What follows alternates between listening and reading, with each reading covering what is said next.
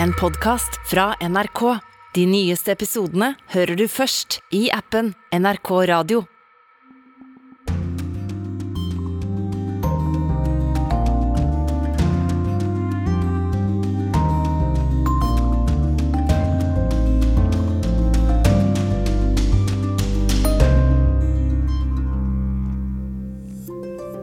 I Tunisia har presidenten sikra seg nærmest all makt denne uka. Er det takk og farvel til det siste håpet om demokrati i den arabiske verden? For et halvt år siden var de vanlige menn med helt vanlige jobber. Nå er de herda og kamptrente. Bli med ut i krigen med den 127. bataljon i det ukrainske forsvaret. Storbritannia står midt oppi det som blir kalt en misnøyens sommer. Det betyr streik, streik og atter streik. Og i serien der våre utenriksreportere får velge seg en by, har europakorrespondenten vår falt for en overprisa og overbefolka turistfelle. Det er lørdag, du hører på Urix. Jeg heter Tore Moland. تكون الديمقراطية ديمقراطية حقيقية ليست ديمقراطية شكلية كما عشناها منذ عقود وعقود dette er presidenten i Tunisia, Kais Sayed. Denne uka ba han folket om støtte til en ny grunnlov som gir han sjøl mye mer makt, og han fikk den støtten. Nå skal vi bygge ekte demokrati, ikke bare sånn formelt demokrati som Tunisia har hatt før, sier presidenten. Men internasjonalt så blir han nærmest beskyldt for å ha kuppa til seg all makt. Joakim Nahem, du følger godt med på Tunisia. Du har jobba der for FN og er nå direktør i Position Green. Hvorfor er omverdenen så skeptisk til det som har skjedd i Tunisia denne uka? Det er fordi Tunisia har hatt en tydelig demokratiprosess hvor grunnloven har vært bærebjelken, med at det er eh, makt som fordeles mellom parlament, eh, og særlig parlamentet, som står sterkt, men også da med den eh, lovgivende og den utøvende makten. Og kontroversene ligger i at uh, Grunnloven endres ganske radikalt. Dvs. Si at makt flyttes fra et folkevalgt parlament til uh, en president som vil da utøve mye mer makt og kontrolleres i mye mindre grad av både parlament og av domstolene. Du blir med oss videre, Joakim Nahem. Vi skal se litt nærmere på Tunisia, som jo har blitt sett på som nå et demokratisk forbilde i en ganske udemokratisk del av verden.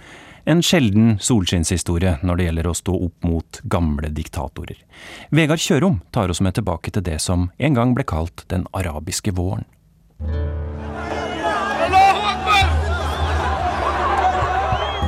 Det er 2011. Folk er ute i gatene i Tunisia og er rasende. Det starta med at en desperat frukthandler var lei av livet i fattigdom. Han solgte frukt fordi han, som veldig mange andre i Tunisia, ikke fikk seg jobb. Da han fikk konfiskert all frukten sin etter en offentlig kontroll, så gav han opp. Han setter fyr på seg sjøl, og dermed setter han også fyr på hele den arabiske verden. Det er harde gatekamper i Egypt. Titusenvis av unge Urolighetene i Midtøsten har nå spredd seg til Muammar Gaddafis Libya. Så til Syria, der skal over 60 personer ha blitt drept i demonstrasjoner. Folk sto opp mot politiske ledere som var rike, korrupte og udemokratiske. I Libya og Syria enda opprøret med full borgerkrig. I Irak, Sudan og Algerie var protestene enorme. Mens i Tunisia ble utfallet annerledes. President Ben Ali talte på TV-en. Han sa at han hadde forstått demonstrantene sin melding. Dagen etterpå satte han seg på et fly til Saudi-Arabia, og vendte aldri tilbake til Tunisia. I Tunisia fikk de en ny grunnlov, flere politiske parti og mer maktfordeling. I sentrum av arbeidet med å bygge opp et demokrati sto fire organisasjoner som representerte ulike deler av det tunisiske folk. Innsatsen til denne tunisiske kvartetten var til slutt heidra med verdens gjeveste pris. Good morning. The Nobel Peace Prize for 2015 is to be awarded to the Tunisian National Dialogue Quartet. Optimismen levde, og det samme gjorde det tunisiske demokratiet. Men utfordringene var mange. Den nye presidenten og regjeringa klarte ikke å fjerne arbeidsløysa og fattigdommen. Og i andre arabiske land hadde islamister fra IS etablert seg. Og de hadde også støttespillere i Tunisia som sto bak blodige angrep i 2015. Det kommer nå meldinger fra Tunisia om at flere utenlandske turister skal være drept i et åtak mot parlamentet og et museum like ved. Minst 27 drept i angrep i ferieparadis i Tunisia. Over 100 Terror var altså en trussel. Dårlig økonomi var en annen. Tunisia var et land som hadde kjøpt mer varer enn de sjøl solgte, så handelsunderskuddet var stort. Og landets valuta ble svekka. Så frustrasjonen økte blant folk, og da neste valg skulle holdes i 2019, så enda det hele med at de største partiene ikke fikk fornya sin tillit, og parlamentet ble fragmentert og sleit med å være styringsdyktig. Og den nye presidenten som ble valgt, han var et ganske så nytt navn på den politiske arenaen. Det var Kais Sayed som ble valgt til Tunisias nye president, med solid margin, 72,7% og nå var det hans tur til å avlegge eid i parlamentet. Saeed hadde bakgrunn som jusprofessor. Folket hadde valgt seg en tydelig leder, men også en leder som var villig til å gå langt for å få det som han ville.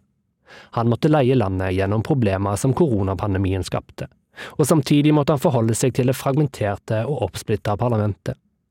Han bestemte seg for å stenge parlamentet i flere måneder, og i fjor sommer oppløste han også regjeringa og sparka sin egen statsminister. Deretter gikk han i gang med å ville endre grunnlova, slik at presidenten kunne få mer makt. De endringene fikk han gjennomført denne veka, etter ei folkerøysting som mange av hans motstandere boikotta. President Saids mål er å styre mer effektivt og kvitte seg med de hindrene som ligger i veien for det han ønsker å få gjort. Men betyr ikke det at han er i ferd med å gjøre Tunisia til et enmannsvelde igjen? Handler ikke nettopp demokratiet om at vedtak skal fattes etter grundig saksansaming og debatt mellom ulike partier?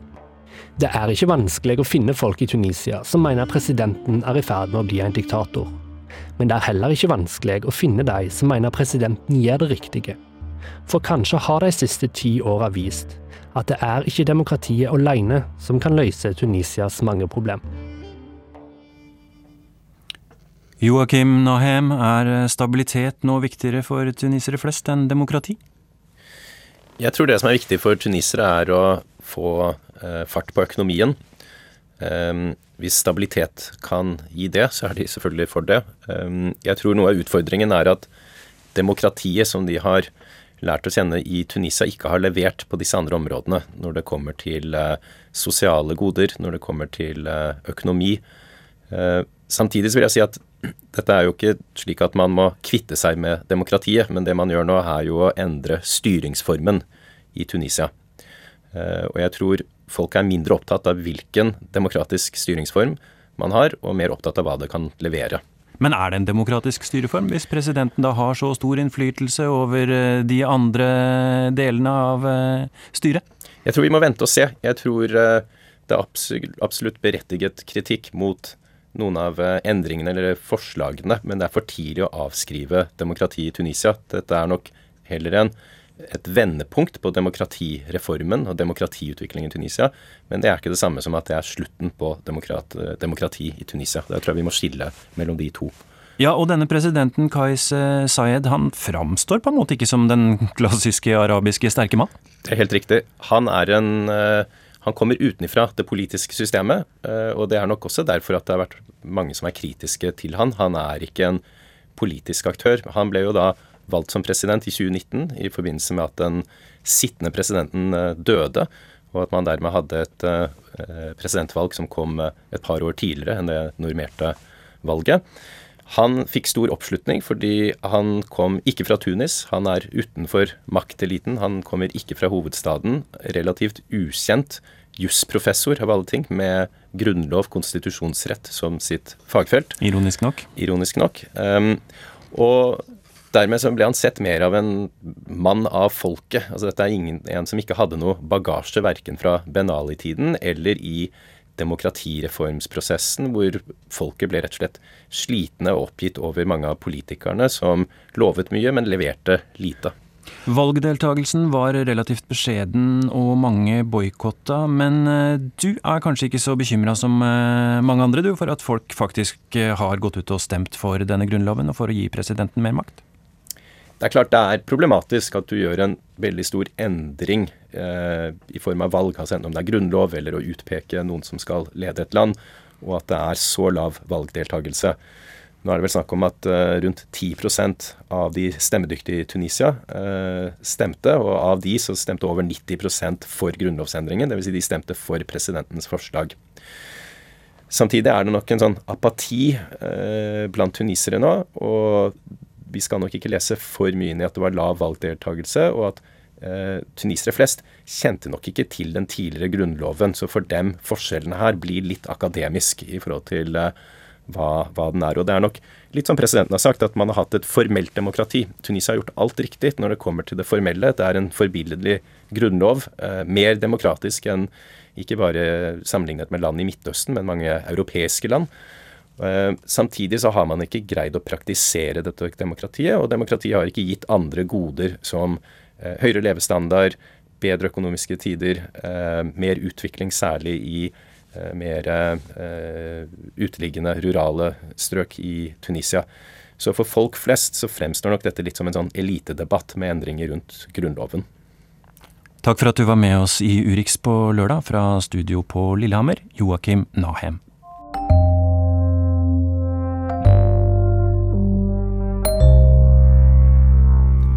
I dag er det togstreik i Storbritannia. Det var det på onsdag også, og flere ganger før i sommer, og i august blir det nye streiker.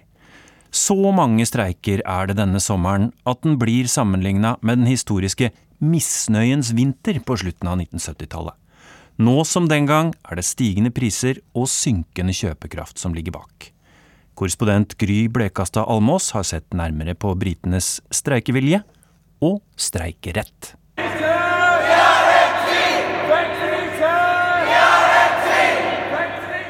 De streiker igjen, jernbaneansatte i Storbritannia. Men de er ikke alene. Leger og sykepleiere, lærere og advokater, postarbeidere, bussjåfører, søppelarbeidere, bredbåndsinstallatører og flyplassansatte. De har alle varslet streik denne sommeren. We don't want to go back to the 70s where one of the previous uh, Tory governments put trade unionists in prison vi vil ikke tilbake til 70-tallet, da en tidligere konservativ regjering satt fagorganiserte i fengsel for å gå til streik, sa Mick Lynch til Sky News denne uka. Han er lederen av fagforeningen til de streikende togarbeiderne. We had the bread strike, we've had hospital strikes, we've had old strikes at old people's homes, strikes in newspapers, in broadcasting, in airports and car strikes. Dette var daværende opposisjonsleder Margaret Thatcher i parlamentet i januar 1979. Landet var preget av høy inflasjon, stor misnøye og en rekke streiker. Og ekstrem kulde. Det ble en misnøyens vinter, et tilnavn hentet fra Shakespeare. Mounting chaos, if that isn't mounting chaos, it is difficult to see what is. Er ikke det kaos, så vet ikke jeg, sa Thatcher, til jubel fra hennes konservative partifeller. Nå står britene midt oppe i en misnøyens sommer, der parallellene er mange. Høy inflasjon, stor misnøye, en rekke streiker og ekstrem hete og en statsministerkandidat fra det konservative partiet som vil stanse de mange streikene. I would legislate to sure there, there are essential services on our railway. It is completely wrong that the travelling public are being held ransom Jeg vil endre lovene for å sørge for at de nødvendige tjenestene er på plass, sier Liz Truss til BBC. Utenriksministeren, som kan komme til å ha toppjobben i britisk politikk i september, refererer gjerne til Thatcher som et forbilde. Og hun kaller altså fagforeningenes representanter militante. And it's a shame that the Tory party is det konservative partiet er i ferd med å bli en ytre høyre-klikk, sier fagforeningsleder Mick Lynch. Han mener Liz Truss prøver å fjerne menneskerettigheter og den demokratiske retten folk har til å uttrykke sin mening gjennom streik. And Liz Truss is seeking to take away human rights and the ability of the democratic right of people to express themselves through their trade unions and industrial action Regjeringen har allerede innskrenket streikeretten. For en drøy uke siden gjorde de det tillatt for streikerammede selskaper å leie inn vikarer til å gjøre jobbene til streikende ansatte. I tillegg ble den økonomiske strafferammen for fagforeningene firedoblet hvis retten mener en streik er ulovlig. Dette gjør Storbritannia til et undertrykkende regime, mener Lynch. It's only repressive regimes that stop people going on strike and stop them expressing themselves and stop them rebalancing uh, the power in the workplace. Men folk er lei av de mange streikene. Um, det er forferdelig og upraktisk, sier noen av dem vi møter. Som deler regjeringens oppfatning om at fagforeningene har for stor makt, ikke for liten. Og transportminister Grant Shapps bekrefter at statsministerkandidat Liz Truss' plan også er hans plan. Because of these union barons who are extreme left-wing uh, activists, because they've stopped modernization going on, we have this forever strikes situation Fagforeningsbaronene er venstreradikale aktivister som har stoppet moderniseringen, sier Shaps til GB News. Han mener streikene er uakseptable og må stanses ved hjelp av ny lovgivning.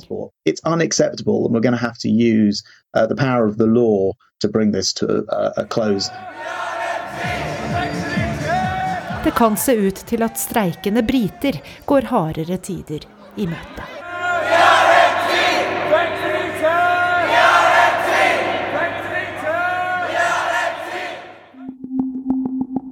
Så skal vi til Ukraina, nærmere bestemt til fronten ved Kharkiv. Der har vårt reportasjeteam fått være med den 127. bataljonen i det ukrainske landforsvaret ut på jobb. Og hva slags jobb er nå det? Andri underviste i akuttmedisin på universitetet for et halvt år siden, men nå er han en rutinert sanitetssoldat ved fronten.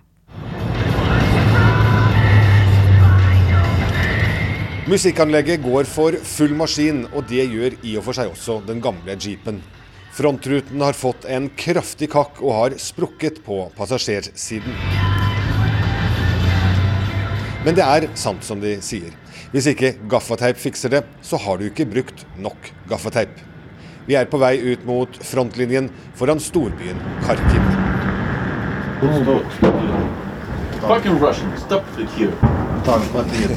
Sjåføren vrenger bilen ut av veibanen.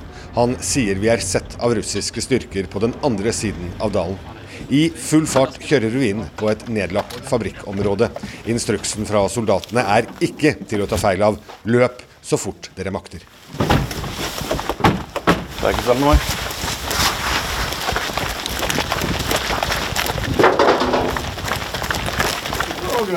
Hello. Hello.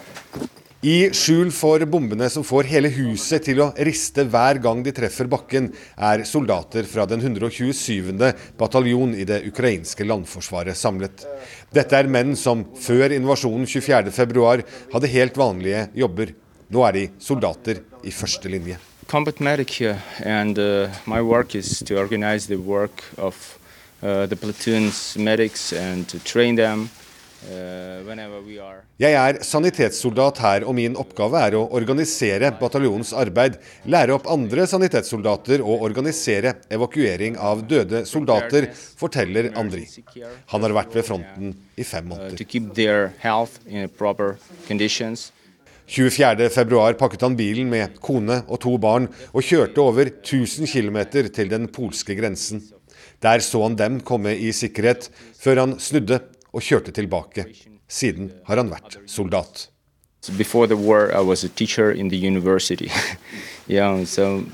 Han ler litt av det absurde og forteller at han underviste i akuttmedisin for studentene ved universitetet i Kharkiv.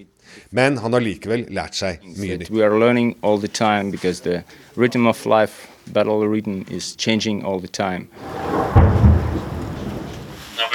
Angrepet varer lenge denne gangen.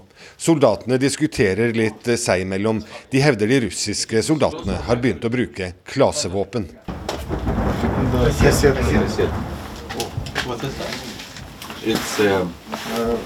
like a, uh, a lot of bombs. Cluster bomb. Yeah. It's far. It's far, yeah. If it was closer, we 500 meters.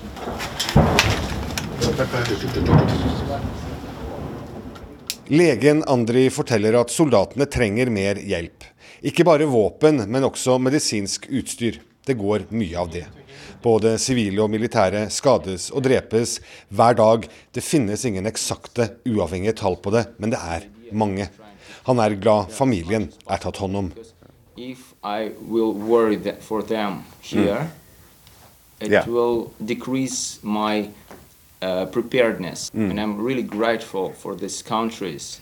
Jeg forstår at en flyktningkrise er veldig krevende for de landene som må ta imot flyktningene, men jeg er veldig glad for at mange land gjør det, forteller han. Uh. Så er det stille utenfor igjen. Kommandøren kaller oss til seg for å forklare hva som skjedde. No, no, all okay because now it uh, was fighting with our tank and uh, the enemy artillery. That's all. I know the, what the area they tried to attack. Andri skal være med oss videre mot frontlinjen. Det kan være bruk for ham der etter skytingen. Vi får med en lovnad fra kommandøren. I uh, do all, everything for you so will be safe. Inne i bilen.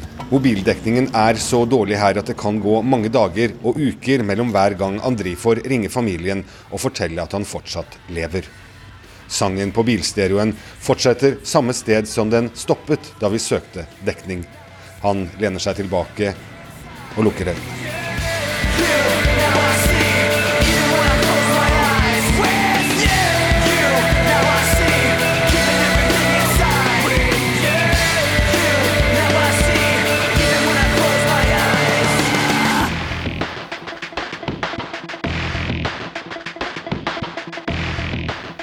Til slutt fikk vi litt av sangen With You av Lincoln Park. Innslaget var ved parhestene Joakim Reistad og Gunnar Bratthammer.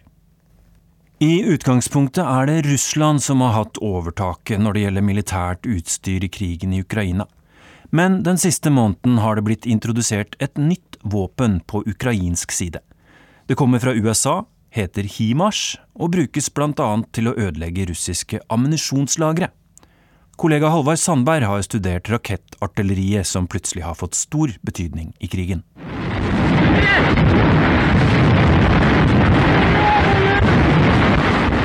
Den okkuperte ukrainske byen Krasnij Luk 25. juni. Vi hører lyden fra en video tatt opp av en russisk soldat. Videoen begynner i en lastebil ved et ammunisjonsdepot. I de neste minuttene filmer soldaten ham selv og to medsoldater, mens de desperat forsøker å komme seg unna stadig kraftigere eksplosjoner. Ammunisjonsdepot er truffet av raketter, ukrainske raketter som ukrainerne har fått av amerikanerne. Depotet blir fullstendig ødelagt, de tre soldatene ser ut til å overleve.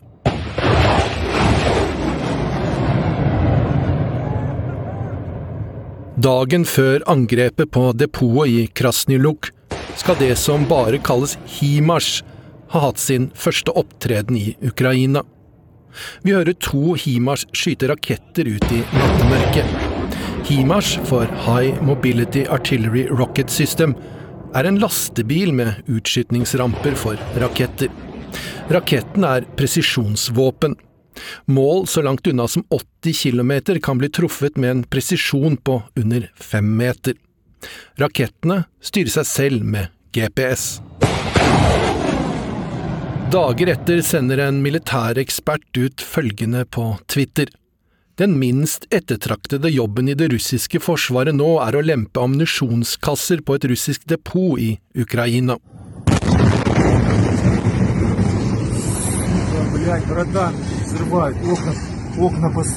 11. juli inntraff det som sannsynligvis er den største eksplosjonen til nå i Ukraina-krigen. Raketter fra HIMARS treffer et ammunisjonsdepot i okkuperte Nova Kahovka. På dette tidspunktet begynner HIMARS å få en vesentlig betydning på slagmarken. Dag etter dag har nye ammunisjonslagre gått i luften. Satellitter fra amerikanske NASA registrerer branner over hele planeten. I de siste månedene har dette FIRMS-systemet fått en ny oppmerksomhet, for russisk artilleriild fører til branner på bakken. Brannkartene fra det østlige Ukraina fra månedsskiftet juni–juli hadde hundrevis av markeringer hver eneste dag. To uker senere var det fortsatt branner på kartet, men bare noen titalls. Ukrainsin українки, всі наші захисники і захисниці. Впевнений, що ви бачили, наскільки ефективно Den ukrainske presidenten Volodymyr Zelenskyj 20. juli. Jeg er sikker på at dere har sett hvor effektive våpnene vi har fått av våre partnere er, spesielt moderne rakettsystemer. HIMARS har nesten blitt en del av språket vårt, slik Javelin, Enlaw, Stugna og Neptun har blitt.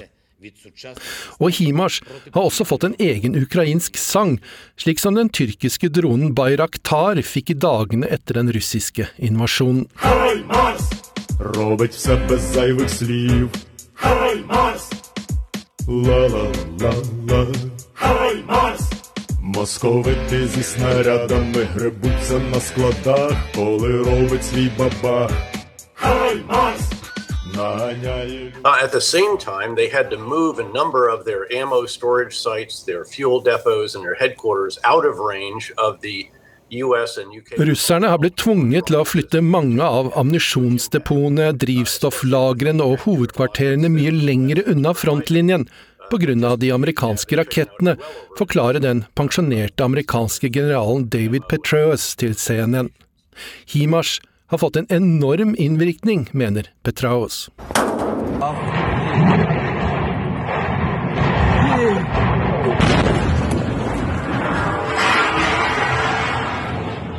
Nok et depot detonerer etter treff fra de amerikanske rakettene. Russiske militærbloggere snakker og skriver om det som kalles granatsult, mangel på ammunisjon. Russerne har en enorm overmakt i antall kanonrør og rakettramper, men uten ammunisjon spiller det liten rolle. Og det som har ført til denne endringen i Ukraina, er bare en håndfull HIMARS, og russerne finner dem ikke, forklarer professor Michael Clark til Sky News. They're looking for them. Um, the, the Ukrainians only seem to have about eight, which is a ridiculously small number. Maybe four more are on the way, but the, it's a handful. But at the moment, they're able to shoot and scoot and keep out of the way because the Russians have not got control of what's happening in the air. Ukrainerne vil få flere slike HIMARS i månedene som kommer, og flere raketter. Rakettene er de samme som brukes av det tyngre, beltedrevne systemet M270, som blant andre Norge bidrar til at ukrainerne får. I skyggen av krigen i Ukraina har en annen, og potensielt om mulig enda større konflikt tilspissa seg. Forholdet mellom Kina og Taiwan er nemlig nå mer spent enn på lenge, og at en amerikansk toppolitiker har varsla at hun vil komme på besøk, har ikke roa situasjonen. Denne uka har det pågått store militærøvelser på øya Taiwan. Innbyggerne i den ellers travle byen Taipei så seg nødt til å ta en aldri så liten pust i bakken på mandag. Luftvernsirener runget ut gjennom gatene i Taiwans hovedstad i en øvelse som skulle forberede innbyggerne på et eventuelt kinesisk luftangrep. Den 32 år gamle restauranteieren Chen Ting-un søkte tilflukt i en av Taipeis mange metrostasjoner.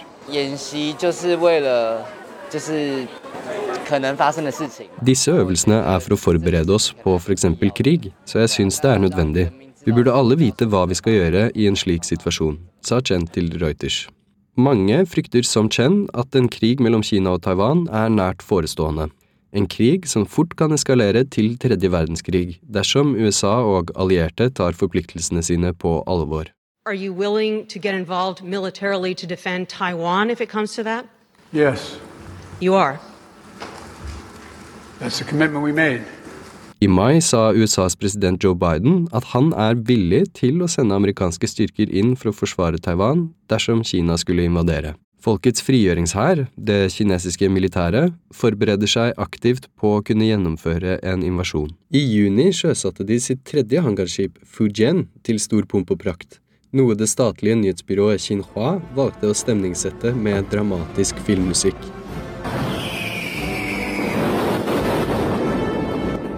Det er en milepæl i kinesisk militærhistorie, og øker Kinas invasjonsmuligheter betraktelig. De siste årene har Kina også trappet opp konfliktnivået ved å sende jagerfly inn i Taiwans luftrom, opptil flere titalls ganger om dagen.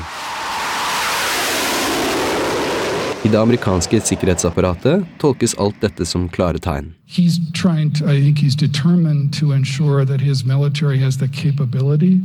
To undertake such an action should he decide to move in that direction.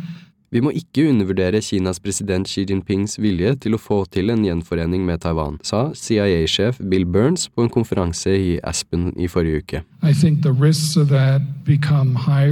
It, it us. Burns tror dessuten sannsynligheten for en invasjon øker jo lenger ut i dette tiåret man kommer.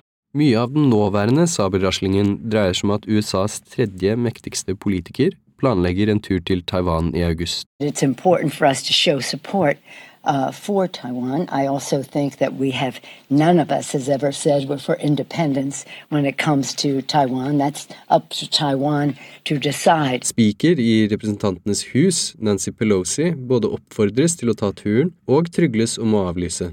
Det ville nemlig vært første gang en så høyt rangert amerikansk politiker drar til Taiwan siden 1997.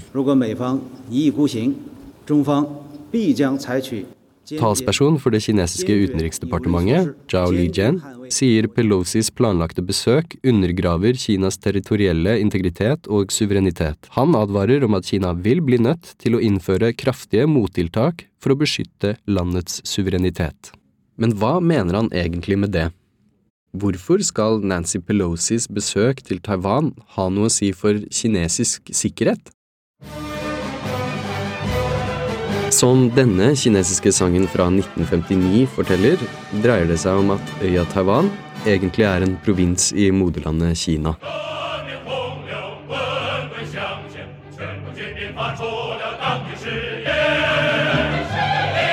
Og det finnes to forskjellige regimer som hevder å være den rettmessige styresmakten i Kina. To regimer som formelt har vært i borgerkrig siden 1945. For the other great powers, the over. But for China, the bitter internal strife went on, with communist armies gaining ever greater strength in their drive to the south. I 1949 beseiret Mao Zedong og kommunistene Chiang Kai-sheks nasjonaliststyrker. Mao erklærte Folkerepublikken Kina på fastlandet med hovedstad i Beijing, noe som hørtes slik ut.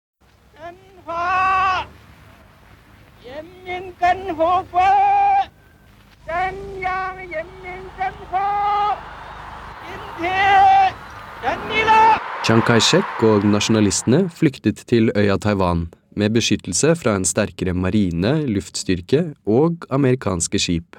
Og der fortsatte de regimet de hadde styrt siden 1920-tallet, republikken Kina. Siden da har det konsekvent vært et mål for det kinesiske kommunistpartiet å gjenforene Kina med Taiwan. Det har lenge vært militært umulig, men nå begynner Kina å nærme seg.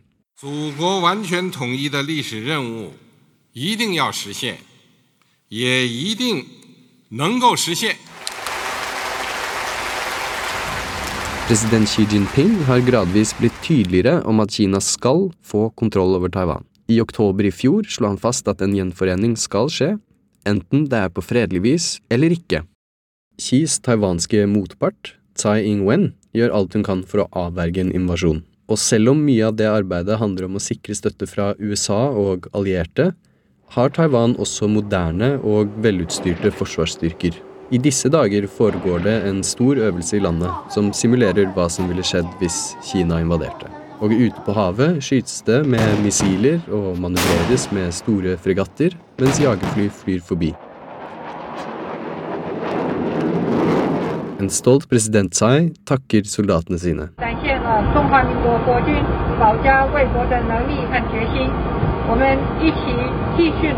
La oss arbeide hardt og beskytte hjemlandet vårt sammen, sier hun. Og på torsdag ble USAs president Biden og Kinas president Xi enige om å møtes fysisk for å snakke sammen, etter en lengre telefonsamtale om Taiwan. Reporter her var Filip Bedos Ulvin.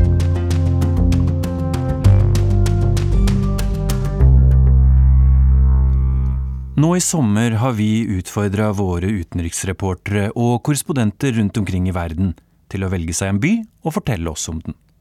Vår europakorrespondent har sete i Brussel, hjertet i Roma, men en pandemi og et par gule gummistøvler har gjort at han virkelig har fått øya opp for en annen by også.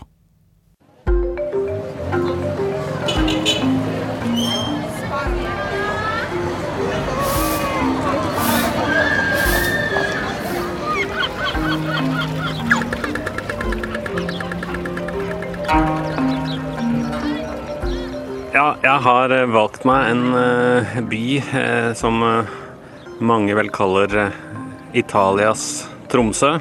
Omringet av vann, mange broer, spesielle farkoster. Ja, det er vel ganske lett egentlig å gjette, kanskje.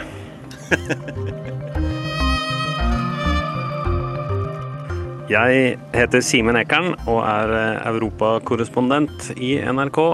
Jeg har valgt meg Venezia. Hvorfor i all verden har du valgt deg en overprisa og overbefolka turistfelle som din favorittby, Simen Ekern? Det er et veldig godt spørsmål. og for å være helt ærlig så var det en beskrivelse som passet ganske godt til hvordan jeg så på Venezia før jeg begynte i denne jobben. Jeg har vært der noen ganger, men ikke så mange ganger som jeg har vært mange andre steder i Italia, og, og tenkt litt akkurat det. Dette er jo teoretisk sett et veldig flott sted, men det er så vanskelig å få øye på byen fordi man hele tiden må gå bak en svær gruppe med eh, amerikanske eh, turister. Og restaurantene er kjempedyre, og det er varmt, og det er fullt. Og, og før eh, ja, jeg begynte i denne jobben, så tenkte jeg vel egentlig at Venezia var et fint sted å, å, å være i et par timer, og så, og så stikke av igjen. Men hva var det som gjorde at du skifta mening om Venezia da, Simen? Jeg tror det var pandemien, egentlig. Jeg var ganske mye i Venezia i starten av korrespondentperioden. Ikke egentlig for å være i Venezia, men fordi jeg skulle nordover eh, i Italia. Og så skulle jeg bytte tog i Venezia, så hadde vi noen timer der. Eh, og så opplevde jeg jo da den byen eh, nesten tom for mennesker. Og det var noe helt annerledes å se Venezia uten folk rusle rundt i, i, i de gatene eh, langs kanalene. Eh, etter hvert kom jeg tilbake og overnattet et par dager på, på, et av hotellene som fortsatt eh, holdt åpent. Og gå rundt, særlig kanskje om kvelden, og se en folketom by. Og virkelig på en måte innse at det kanskje stemmer det her som folk har sagt. At Venezia er den aller vakreste byen i hele verden. Og det tror jeg rett og slett det måtte en pandemi til eh, for at jeg eh, forsto. Du har rett og slett fått oppleve Venezia mutters aleine, du Simen Ekern. Men det er vel kanskje ikke noe turister flest har noen sjanse til å få oppleve? Nei, det er jo ikke det. Men det jeg også skjønte, er jo at den oppfatningen jeg hadde av Venezia som et varmt og overfylt eh, turisthøl, den kan man jo også kompensere for ved å være der på vinteren. Venezia er fryktelig fin når det regner, når det er tåke, når det er litt kaldt. Um, du får jo den helt sånn magiske følelsen av å være ikke bare et spesielt sted, men nesten å være i en annen tid. da, Når man går rundt i sånne eh, kalde, tåkefylte eh, gater langs eh, kanalene, og, og, ikke møte på noen andre enn en kanskje eventuelt liksom kjøpmannen i Venedig en gang på 1400-tallet. Det er veldig lett å leve seg inn i å være et helt annet sted. da.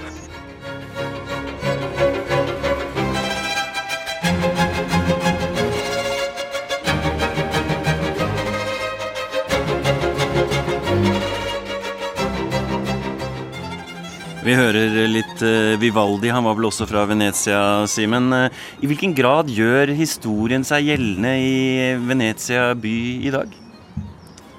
I, enorm grad, eh, så klart. Sånn er det jo litt i hele Italia. I så stor grad at mange italienere opp igjennom har følt at den historien er så tyngende at man liksom ikke klarer å, å, å tenke noe nytt. De italienske futuristene de eh, var en, en kunst og, og, til en viss grad politisk retning også på, på 20-tallet særlig. Og de drømte jo om fornyelse, eh, at man skulle skape helt nye ting i stedet. Og en av de mest kjente italienske futuristen han mente at hovedmålet egentlig måtte være å rive alle bygningene i Venezia og fylle igjen de kanalene, sånn at man kunne kvitte seg med denne tyngende, masete historien.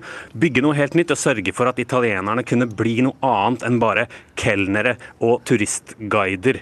Ehm, det ble heldigvis ikke noe av, men det er klart man får jo en sånn følelse av at historien er der, og så kan man velge å si at det er tyngende og ødeleggende for nye tanker, eller så kan man rett og slett bare lene seg tilbake Eh, å se all den skjønnheten eh, som er skapt, og helt eh, fram til i dag, egentlig. Hvordan man skal tenke om denne byen. Kanskje er det ikke engang en del av Italia, som en del separatister fortsatt mener at, at Venezia, i kraft av å ha vært så stor og viktig tidligere, burde egentlig være et selvstendig sted. Jeg har jo møtt sånne venetianske uavhengighetsforkjempere på, på demonstrasjoner både i, i, Nord-Belgia og i Skottland, sammen med andre separatister rundt omkring i Europa. og og jeg husker en som jeg spurte jøss, hva gjør du her, helt fra Italia? Har du kommet til Skottland for å delta? Og så så han fornærmet på meg og sa han jeg er ikke fra Italia, jeg er fra Venezia. Men sjansen for uh, uavhengighet for Venezia er kanskje relativt liten, eller? Den er nok eh, ganske liten. Nå er vel egentlig snarere utfordringen å sørge for at Venezia forblir en levende eh, by. Og der har jo myndighetene eh, noen utfordringer. Først og fremst kanskje å sørge for at byen ikke synker, så klart. Men i tillegg da også å sørge for at folk Eh, fortsetter å, å, bo der. Folketallet har jo eh, sunket, og så har man vært litt redde for at det bare blir en by full av hotellgjester som kommer og drar. Og etter pandemien så har man satt i gang en del tiltak eh, nå der man bl.a. forsøker å tiltrekke seg folk som vil bo i byen over litt lengre tid. Da. Eh, studenter eller folk som nå har fått muligheten til å ha hjemmekontor, og som kan plassere det hjemmekontoret hvor de vil. Da vil man tilby eh, rimelige leiligheter og gratis eh, internett og et par andre sånne eh, trekkplastre for, for, å se om det ikke går an å få folk til å bo i den byen i stedet for å bare besøke den som turister. Og Det må jeg si at jeg har blitt litt interessert av sånn en gang i, i framtiden. Ikke så aller verst sted å ha hjemmekontor eh, noen vintermåneder. Men dette er rett og slett en by som kjemper for å overleve både mot hordene av turister og mot eh, klimaendringer og økende havnivåer. Er det ikke slik, Simen? Jo, eh, akkurat sånn er det. Og det må jeg jo si at selv om det var eh, vakkert å se den byen under pandemien, så er det jo også litt eh, urovekkende, eh, selvfølgelig, å se et sted eh, uten eh, folk. Og, og, en av gangene jeg kom til Venezia i denne perioden, da hadde jeg vært oppe i Alpene for å lage en reportasje om isbreene som smelter. Og, og det å komme da ned fra en isbre som smelter til en by som synker, det ga jo en sånn uh, utsøkt, subtil følelse av en nært forestående undergang.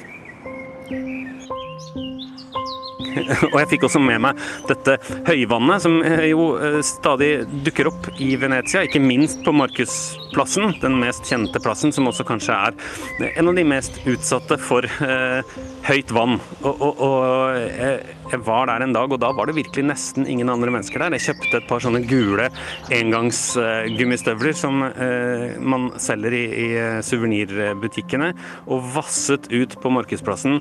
Satte meg på eh, eh, en kafé som fortsatt hadde bord og stoler ute, men, men vannet nådde meg da til knærne. Å sitte sånn og skue utover en, en tom og oversvømt eh, plass etter å ha eh, tenkt mye på at isbreene smelter, det, det gir jo en sånn eh, litt bekymringsfull følelse av at nå begynner ting å, å, å, å gå mot slutten uh, her i verden. Og så gjør det kanskje ikke det. da. Venezia er jo også en by som har klart å overleve til tross for at det er ganske usannsynlig egentlig å bygge en by eh, på denne måten. Så man kan jo velge om man skal være håpefull eller pessimistisk. men det er et interessant sted å, å, være hvis man eh, tenker at undergangen er nær.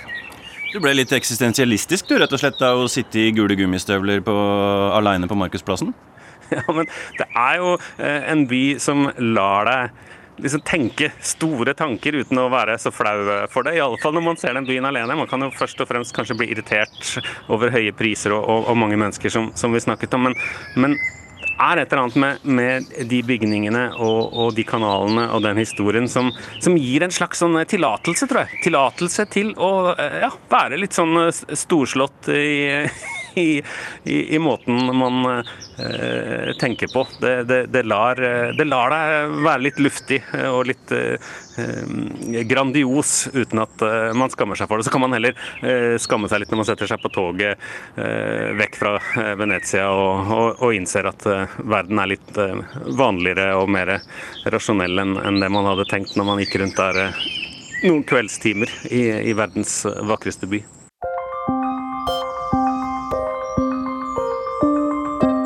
Og så er det et sånn eh, klisjébilde av Venezia som du overhodet ikke har vært innom, Simen Ekern. Bør man reise med gondol? Åh.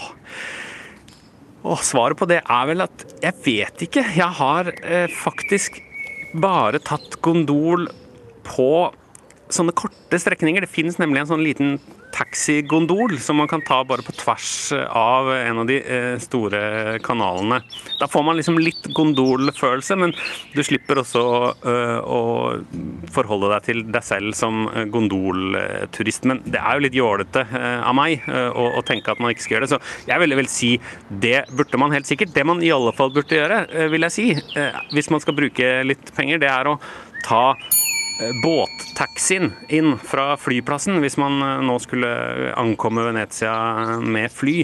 Eh, hvis man liksom kjører inn i sin egen taxi, så får man en litt sånn fin, dekadent 50-tallsfølelse. Så, så taxien inn er bra. Man må i hvert fall finne en måte å transportere seg selv på vannet på. Det er jo åpenbart, selv om det er fint å, å, å rusle og se kanalene fra broene og gatene også. Hva bør man unngå da, Simen? Nei, Man bør jo unngå å være midt på dagen ved Markedsplassen i midten av uh, juli, uh, tror jeg. I alle fall må man sørge for å spare seg selv fra den irritasjonsfølelsen som du vel var inne på i starten, og som jeg også hadde uh, kjent på før. ikke sant? Den følelsen av at du er et sånt sted som egentlig ikke fins på ordentlig, men som bare er laget for turister. Så man må komme seg litt vekk fra den da, og jobbe litt uh, mentalt uh, og uh, fysisk for å, for å, vri seg unna den der, klamme følelsen av å være et sted der alle er på besøk og ingen egentlig lever. For man vil jo helst være i en by der folk lever, og så få lov til å besøke det livet. Ikke, ikke være et sted som bare er bygget for turister, naturligvis. Simen, jeg har vært i Venezia to ganger, jeg. Og jeg har aldri vært der eh, en natt. Jeg har nøyd meg med å være der en dag, eh, og så har jeg reist igjen. Jeg har rett og slett gått glipp av noen ting jeg, som jeg ikke har skjønt. Ja, du har gått glipp av noe. Og for selv om eh, du syns det blir masete å være lenge i Venezia, så, så tenker jeg iallfall en natt, da. Du må være en natt i Venezia, og så må du være oppe så seint at du kan gå rundt eh, Eh, i byen og føle deg litt eh, alene eh, i mørket. Da får du en mulighet til å se den byen på en annen måte, nesten uansett når på året du er der. Det eh, syns jeg du skal unne deg.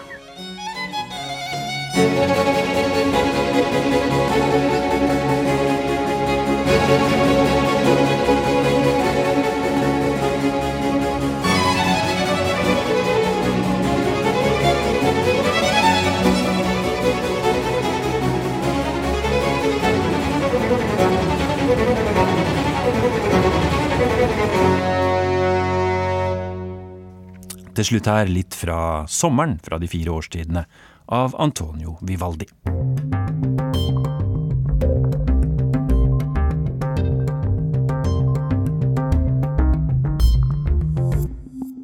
Vår USA-korrespondent Tove Bjørgaas fyller 50 år i dag. Gratulerer med dagen.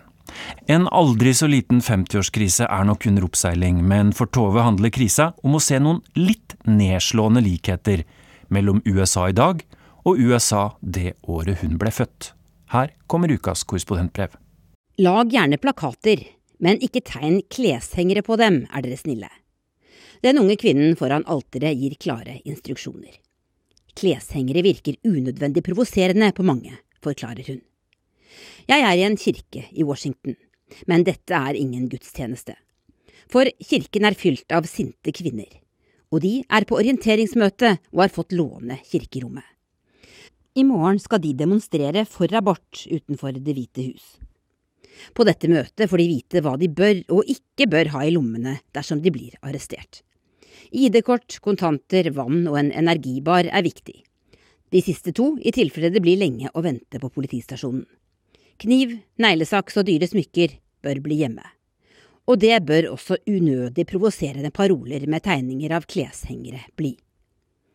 For 50 år etter at desperate kvinner i USA brukte sånne kleshengere av ståltråd som du kan vikle fra hverandre til å utføre hjemmeaborter med, har verden tross alt beveget seg framover.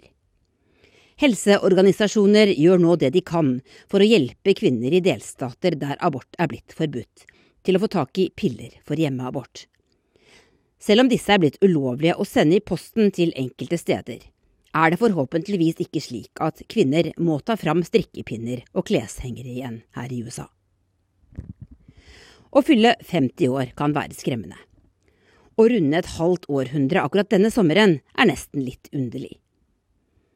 For jeg føler at jeg befinner meg på tidlig 1970-tallet i USA, sånn rundt det året jeg ble født.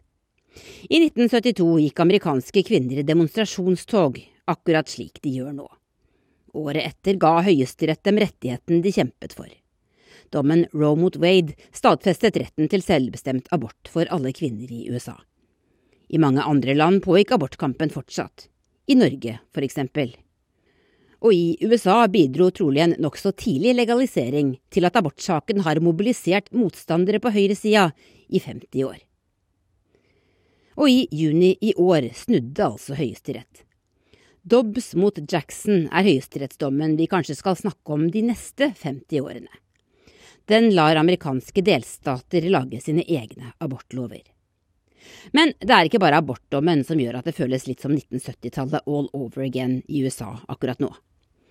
Denne uka ble det slått fast at det nå er nedgangstider i amerikansk økonomi.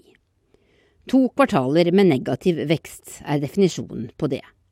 Det er skyhøy prisstigning, ikke minst på av høye energipriser, og det var det også på 1970-tallet. I tillegg var tilliten til politikerne på bånn også den gangen. 17. juni det året jeg ble født, brøt tyver seg inn i Det demokratiske partiets hovedkvarter i Watergate-bygningen nede ved Potomac-elva i Washington. Det viste seg at tyvene var sendt dit av kampanjen til president Nixon. Den republikanske presidenten måtte gå av to år senere. Watergate-skandalen startet en æra preget av kraftig mistillit mot amerikanske politikere, som mange oppfattet som både korrupte og maktsyke. Har du hørt den før? I det siste, kanskje? Det er 1972 all over again. I Alle sjelers kirke i Washington sitter det også kvinner som husker det året jeg ble født. En av dem er 72 år gamle Sandy Lessig fra Texas. I 1972 gikk hun på universitetet i en annen by enn hun egentlig hadde planlagt, av det som skjedde med henne fire år tidligere. Sandy skammet seg så mye over den ulovlige aborten hun tok det siste året på videregående, at hun valgte å endre utdanningsplanene sine og flytte til et sted der ingen kjente henne. I 1968 oppsøkte hun en lege som hadde mistet retten til å praktisere i hjembyen, fordi hun hadde blitt gravid da prevensjonen hun og kjæresten brukte, ikke virket. Legen brukte ikke bedøvelse, og selv om det Sandy trodde var en abort gjorde veldig vondt, var hun fortsatt like kvalm og rar en uke senere. Jeg visste ikke at jeg skulle blø etter en abort, forklarer hun meg. Sandy måtte tilbake til den samme legen to ganger for at han skulle gjøre ferdig aborten. Den siste gangen hadde moren hennes funnet ut hva som foregikk, og truet legen med å oute ham i lokalavisa dersom han skadet datteren hennes. Det gikk bra, Sandy fikk barn en del år senere, men skammen lever fortsatt videre i henne, og 1970-tallet formet hennes syn på verden. Først demonstrerte hun for selvbestemt abort, deretter mot krigen i Vietnam og president Nixon. Og da abortreglene ble strammet inn, ikke minst i hennes hjemstat Texas, meldte hun seg frivillig. Sandy ble håndeholder, en som holder kvinner som skal ta abort i hånda og tørker tårene deres. Nå har hun meldt seg for å kjøre kvinner fra Texas som ikke kan selv, de 10-12-15 timene til en delstat der de kan få avsluttet svangerskapene sine. Der hun sitter på orienteringsmøte i kirka, er Sandy klar til å bli arrestert for det hun tror på. Dagen etter setter hun seg ned på fortauet inntil porten foran Det hvite hus, sammen med mange hundre andre kvinner. Hun roper Min kropp, mitt valg og Hvem sine gater? Våre gater. Akkurat slik hun gjorde på 1970-tallet. Jeg står der i regnet og ser på demonstrantene og på det mektige huset bak dem. Vi kunne egentlig satt oss inn i tidsmaskinen og reist enda lenger tilbake i tid, tenker jeg. For eksempel til 1872. Til 1870-tallet, da amerikanerne skulle finne veien videre etter borgerkrigen. De tapende sørstatene som måtte gi opp slaveholdet, innførte raseskillelover i disse årene, som ble stående lenge. Og i 1873 kom Mark Twain med boka The Gilded Age, eller Den gylne tida. Den forteller historien om noen få svært rike menn som eide mediene og de viktigste selskapene på den tida. Boka tegner karikaturer, men den skildrer skamløs korrupsjon i Washington og enorme forskjeller på fattig og rik. Ringer det en bjelle i 2022? Og bjellene har ringt for Urix på lørdag også, som er på oppløpssida på vei mot mål. Teknisk ansvarlig var Frode Thorshaug. Her i studio, Tore Moland.